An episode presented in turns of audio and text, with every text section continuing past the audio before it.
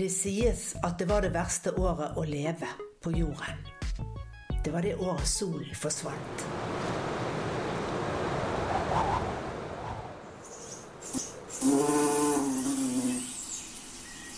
Den våren sluttet humlene å surre. Blomstene på marken ville ikke vokse. Og fuglene holdt kanskje opp å synge denne våren og sommeren. For hvordan synge når solen er borte? Det som skjedde den gangen, i år 536, da store deler av den nordlige halvkule ble kraftig nedkjølt, det er tema i denne episoden av Forskningspodden. Jeg heter Anne Synnevåg.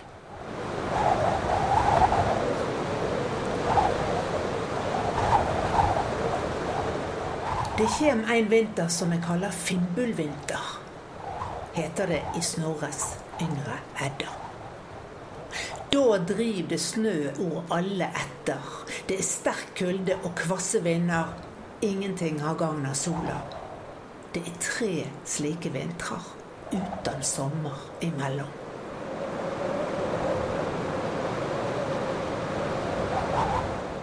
Nå vet vi at dette ikke bare var enda en fantastisk fortelling i den norrøne mytologien.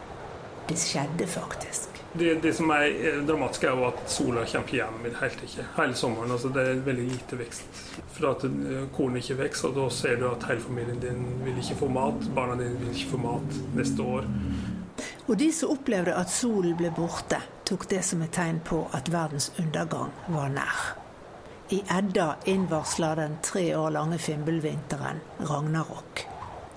Da alt levende på jorden tar slutt. De hadde jo ikke noe begrep om hva som lå bak det her. Kjetil Lofsgaren er arkeolog ved Kulturhistorisk museum i Oslo. I dag vet vi at fimbulvinteren etter alt å dømme skyldtes et stort vulkanutbrudd seinvinters i år 536. Fra en vulkan på Island eller i Nord-Amerika. Det har ikke forskerne funnet helt ut av ennå. Resultatet er at du får det vi kaller for aerosoler, eller små partikler som, som henger som en slags sky i, på himmelen. Og dette har begynt å rotere rundt hele verden. Eh, vinden og systemene, værsystemene gjør at dette transporteres rundt. Eh, det vet vi kan skje hvis det er kraftige vulkanutbrudd på den nordlige halvkulen om vinteren. Og dette fant sted i mars. Så fører vindsystemene til at de kan òg få en global eh, påvirkning. Og Det var det jeg ville oppleve som en bonde der på sommeren. Jeg ville se dette går ikke bra, og jeg ville begynne å bli bekymra. Den mystiske skyen stenger for solen, både i Europa, Midtøsten og i deler av Asia. I Italia skriver historikeren Flavius Cosidorus at himmelen fylles av mørke skyer, og at det bare er sollys noen få timer om dagen. En annen historiker, Prokopius i Konstantinopel, som er dagens Istanbul, beretter om en konstant solformørkelse. Solen lyste som månen, uten å stråle, et helt år til ende, skriver han. Og i Nord-Europa kan askeskyen ha vart enda lenger, sier arkeologiprofessor Frode Iversen ved Kulturhistorisk museum i Oslo. Problemet er jo at denne skyen gjør at en får flere somre uten vekst. Det er ikke bare den ene. For skyen vedvarer? Den vedvarer antageligvis. Og en snakker om at det kommer flere somre uten ordentlig sol her. Og ikke bare det. I 540, bare noen få år etterpå, så kommer det et nytt vulkanutbrudd. Sånn at du får da en sammenhengende periode der uten, uten at det vokser og gror sånn som du vil. En askesky som dimmer solen og hemmer fotosyntesen. Avlingene svikter, og det blir vanskelig å skaffe nok mat til mennesker og dyr. Folk som levde på den tid, det hadde jo ikke store kornlager nødvendigvis. Og du levde fra år til år, og hvis avlinger slo feil, så kunne du kanskje greie deg et år. Men skjer det flere ganger med påfølgende år, da, så vil det ha ganske dramatiske konsekvenser. Da, for da har du ikke nok korn til å få såkorn til neste år. Og når du får en, en avling som slår feil, så slår du beina under store deler av samfunnet. som Du klarer ikke å fø store deler av samfunnet, så vi må regne med at det er ganske utbredt med sult. Du kan prøve deg med fiske, du kan prøve deg med jakt, men hele på en måte naturen blir òg påvirka av dette. Så ingenting vokser riktig sånn som det skal. Klimaforskerne tror gjennomsnittstemperaturen falt med mellom 3 og 4 grader i Nord-Europa i år 536, og noe mindre i årene som fulgte. Men så skjer altså et nytt voldsomt vulkanutbrudd fire år etter det første. Og som om det ikke var nok. Klimaforskerne mener at det kom enda et stort vulkanutbrudd sju år etter det igjen, i 547. Den samlede effekten av disse enorme vulkanutbruddene blir voldsom. Og sannsynligvis ført til et kaldere klima i eh, Skandinavia i kanskje opp mot en 100-150 års periode. I Nord-Europa var det ingen historikere som skrev ned hva de opplevde på denne tiden. Men vi har grunn til å tro at nedkjølingen var mer dramatisk nord i Europa enn lenger sør, sier Frode Iversen. Eh, vi er helt på eh, grensen allerede. og Når du får en nedkjøling på bare noen grader, kanskje en kraftig nedkjøling umiddelbart, og så en litt lengre generell nedkjøling, så vil det ramme på en måte ganske marginale jordbruksområder hardere. Som du ser her, så er treet ifra Raknehaugen. Som du ser, ser ut som det er hogd i fjor. Utrolig fint. Kjetil Lofsgaren viser meg en trebit som stammer fra tømmeret i Raknehaugen gravhaug. Trebiten er et snitt av en trestamme, så du kan se alle årringene i treet. Og hvis du ser det er markert med den tusjen, det er den som jeg har mistanke om representerer 536. Mye svakere ring. Ja, den mørke, mørke ringen er mye svakere. Og så er den tynnere. Altså den tynnere, altså Vår mistanke har vært at det var, vært så dårlige vekstforhold, så det nesten ikke vært vekst det året. En to, tre, fire, fem, seks, syv, åtte, ni, ti, elleve. Og så den er tolv. Ja.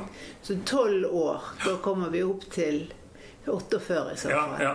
Og så må du legge på litt fra eh, barken. Ja, bark og litt sikting, tror jeg. Forskerne anslår at Raknehaugen ble bygd av trær som ble hugget rundt år 550. Så den svake årringen stemmer nesten perfekt med 14 år før, i 536. Men ser du der er en veldig tynn en igjen. Eller kanskje ikke så tynn, men den er jo veldig mm. tynn, den òg. Så kommer hvor mange år etterpå? Én, to, tre, fire Fem år etterpå. Mm. I 41. Ja. Det stemmer jo det òg med disse vulkanutbruddene. Ja, det stemmer. Dette stemmer veldig bra. Men så har vi gjort en ny kalibrering basert på DC14-data. Kanskje ser ut som det kan være litt eldre enn det vi opprinnelig har antatt. Så vi må undersøke litt mer nøye. Så dere vet ikke om det er 536 ennå? Det er ikke ennå. helt bestemt ennå, nei. Men det kan være det? Det kan være. Datering ved hjelp av årringer er en av metodene som forskerne har brukt for å påvise nedkjølingen på 500-tallet. De har også tatt prøver av iskjerner på Grønland, i Antarktis og i Alpene. Og funnet små partikler av svovel og lavaglass i det laget som representerer nettopp årene 536 og 540. Da askeskyen fra vulkanutbruddene skygget for solen i flere år, og det ble matmangel, så gjør det noe med deg. Her er Frode Iversen igjen. Du vil bli svekka, og du vil antageligvis ikke få tilstrekkelig med, med de vitaminene du skal i, i kroppen.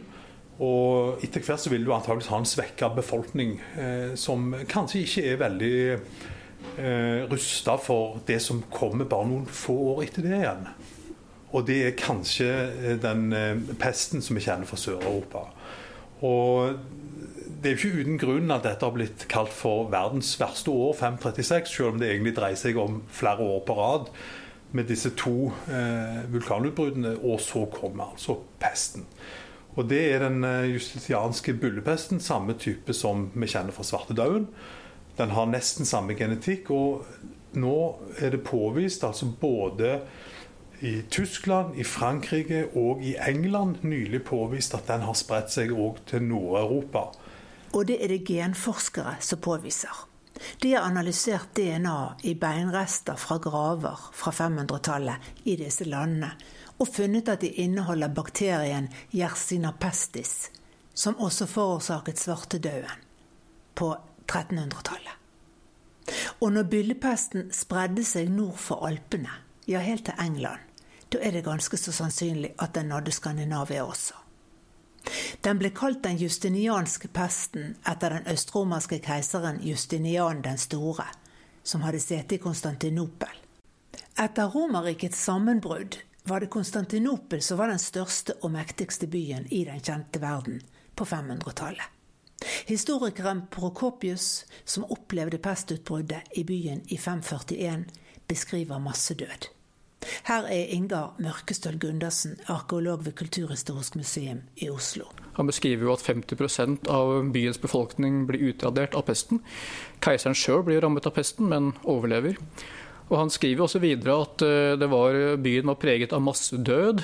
Dødsfallene var så voldsomme at man rakk ikke grave massegraver til å legge likene i, så man begynte å stappe likene inn i bymurens tårn for å få dem unna. Med da påfølgende kan det si, stank og elendighet da, i byen.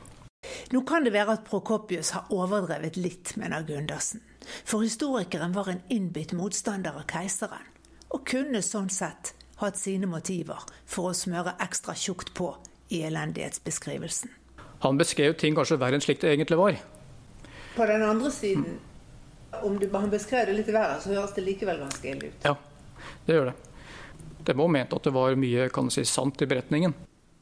Byllepesten som oppsto i en egyptisk havneby, spredde seg raskt til hele middelhavsområdet, før den smittet nordover i Europa.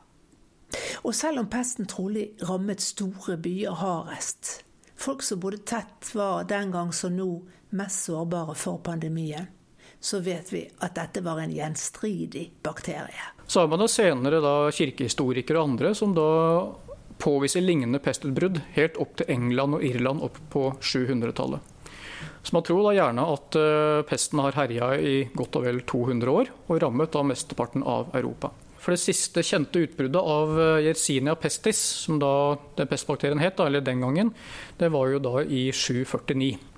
Så jeg vil si at vi har 208 år da, med pesthistorie for den justinianske pesten.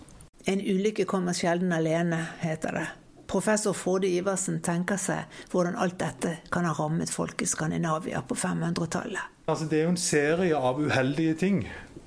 Et vulkanutbrudd, to vulkanutbrudd, svekka befolkning, en pest som gjør at kanskje halve, halvparten dør ut, eller noe sånt. Og så kommer alle de endringene som følger av at det er færre mennesker. Danske arkeologer har funnet store mengder gull som er vanskelig å datere, men som de mener er gravd ned som offergaver til gudene på denne tiden.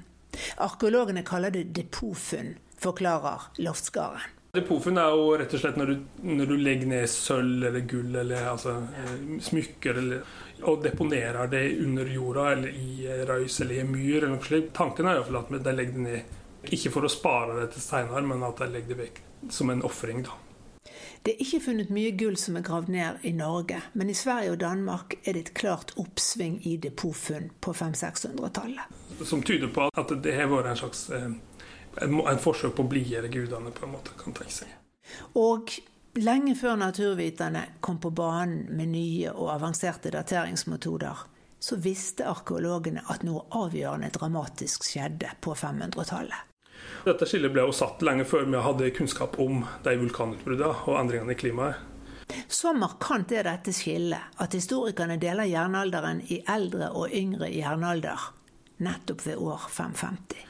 Og Det skillet er jo basert på endringer i ulike materialer. altså Det kan være matlaging eh, som endrer seg. Kokegroper forsvinner, leirkar forsvinner, og kleberkar kommer inn. Og du har en språklig Eh, et slags språklig brudd, og du har en ny teknologi knyttet til jernframstilling f.eks. Og dette har gjort at, at vi er delt inn i yngre og eldre jernalder. Og alt dette kan best forklares med at befolkningen blir redusert.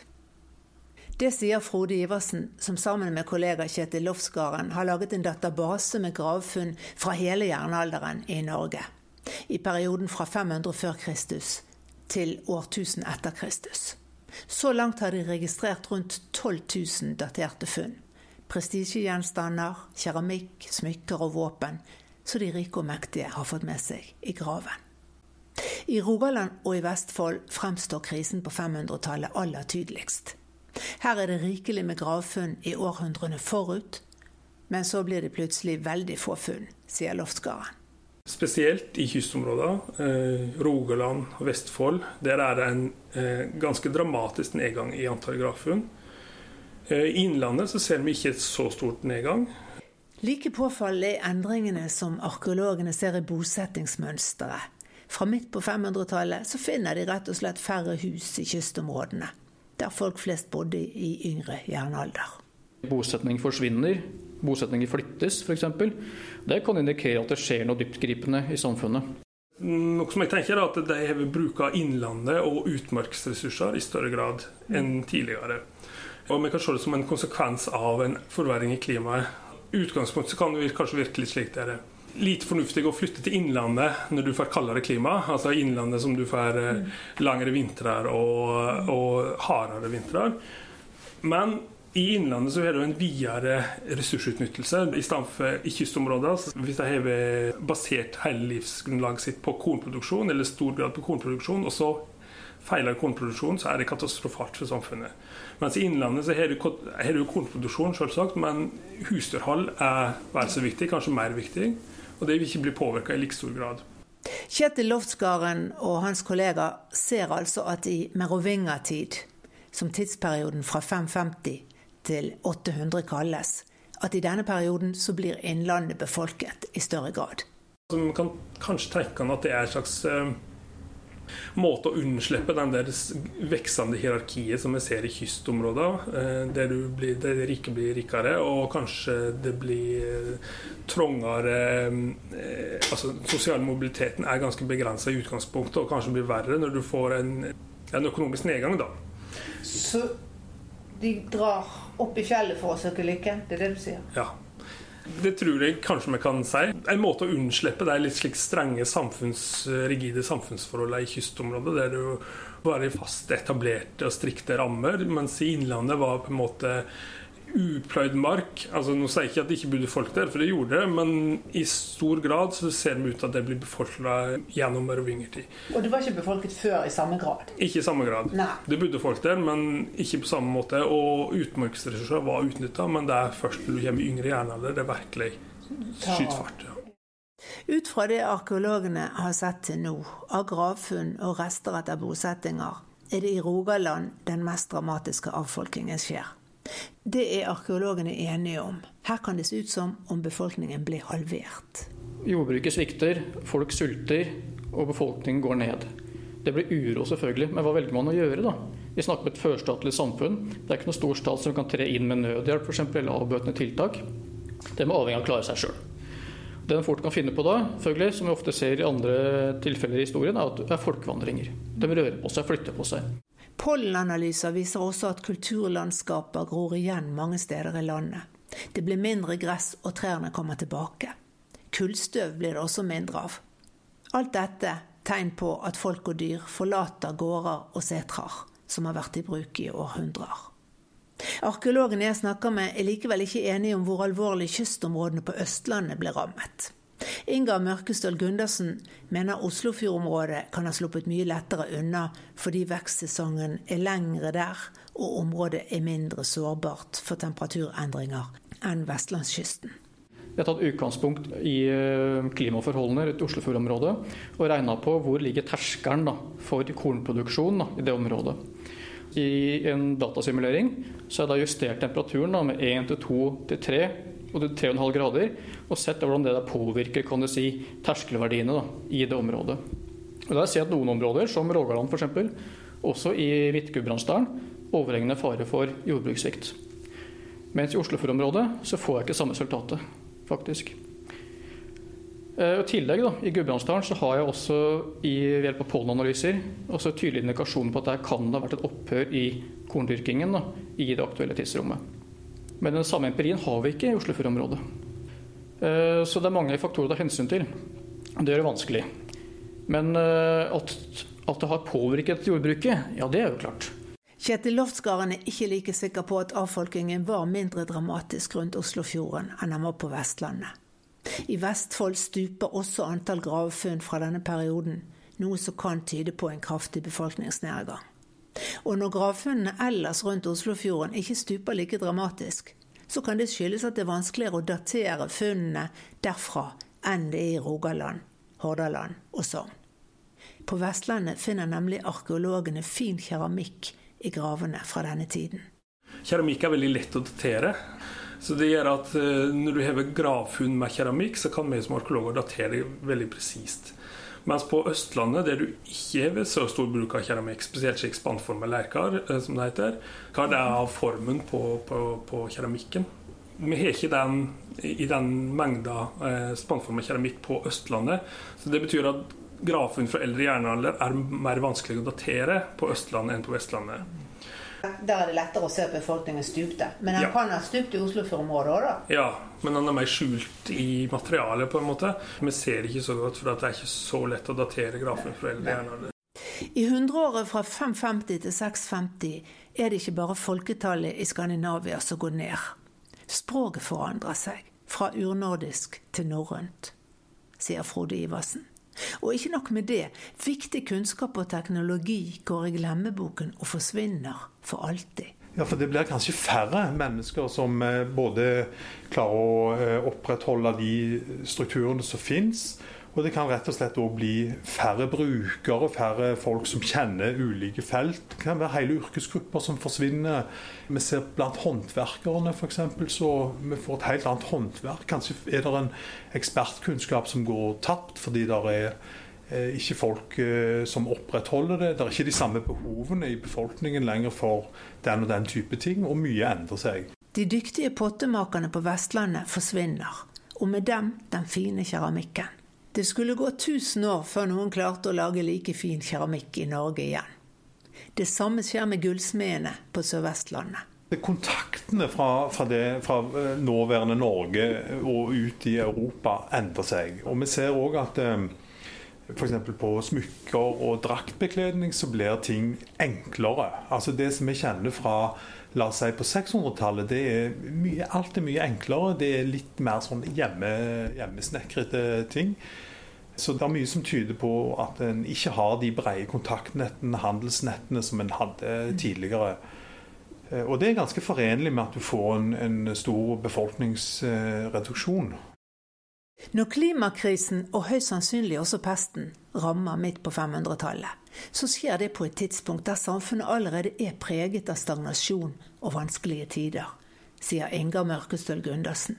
For når Vest-Romerriket går i oppløsning, og den siste romerske keiseren må se seg beseiret av germanske styrker. Det skjer i år 476. Da bryter også handelen med Romerriket sammen, og det blir nedgangstider, også i Skandinavia. Én ting er at pengestrømmen nordover den forsvinner jo. Handelsnettverkene bryter jo sammen. Det er stor geopolitisk uro. Og det vil selvfølgelig også påvirke det skandinaviske jernbanesamfunnet lenger nord. ikke sant? En overskuddsproduksjon f.eks. av jern hvor skal det jernet ta veien, da, hvis ikke har en handelspartner du kan handle med? Men når det gamle eliten da, i Skandinavia, som har bygd sin eh, status og prestisje på handel med kan si, områder lenger sør, og det bryter sammen, hvordan skal han opprettholde si, sin status i samfunnet her hjemme? Da åpner opp en situasjon hvor andre kan du si, rivaliserende slekter sant, kan tilkjempe seg makt og innflytelse.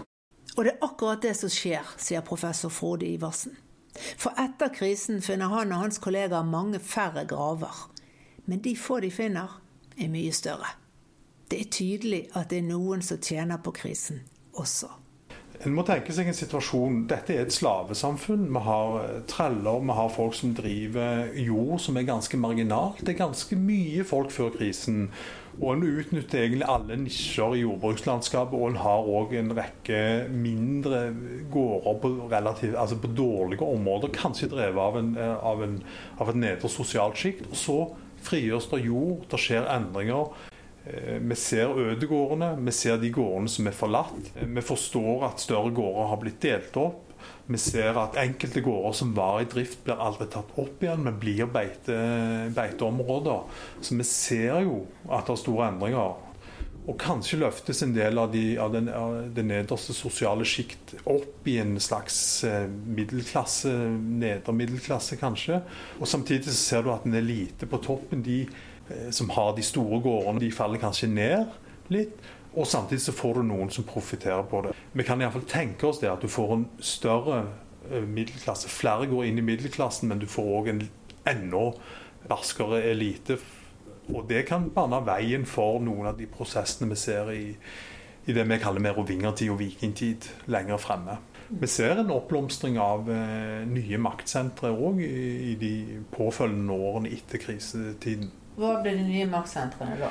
Ja, Da har vi f.eks. Eh, Borre, som mange vil kjenne i Vestfold. Som jo er Nord-Europas største storhaugsentre, maktsentre. Det er en arkeologisk term. Men, men, det betyr egentlig bare at du har eh, dynastier, slekter, som er i stand til å bygge store monumenter. Raknahaugen på Romerike er en annen enorm gravhaug. Den ble antagelig bygget bare 15 år etter vulkanutbruddet.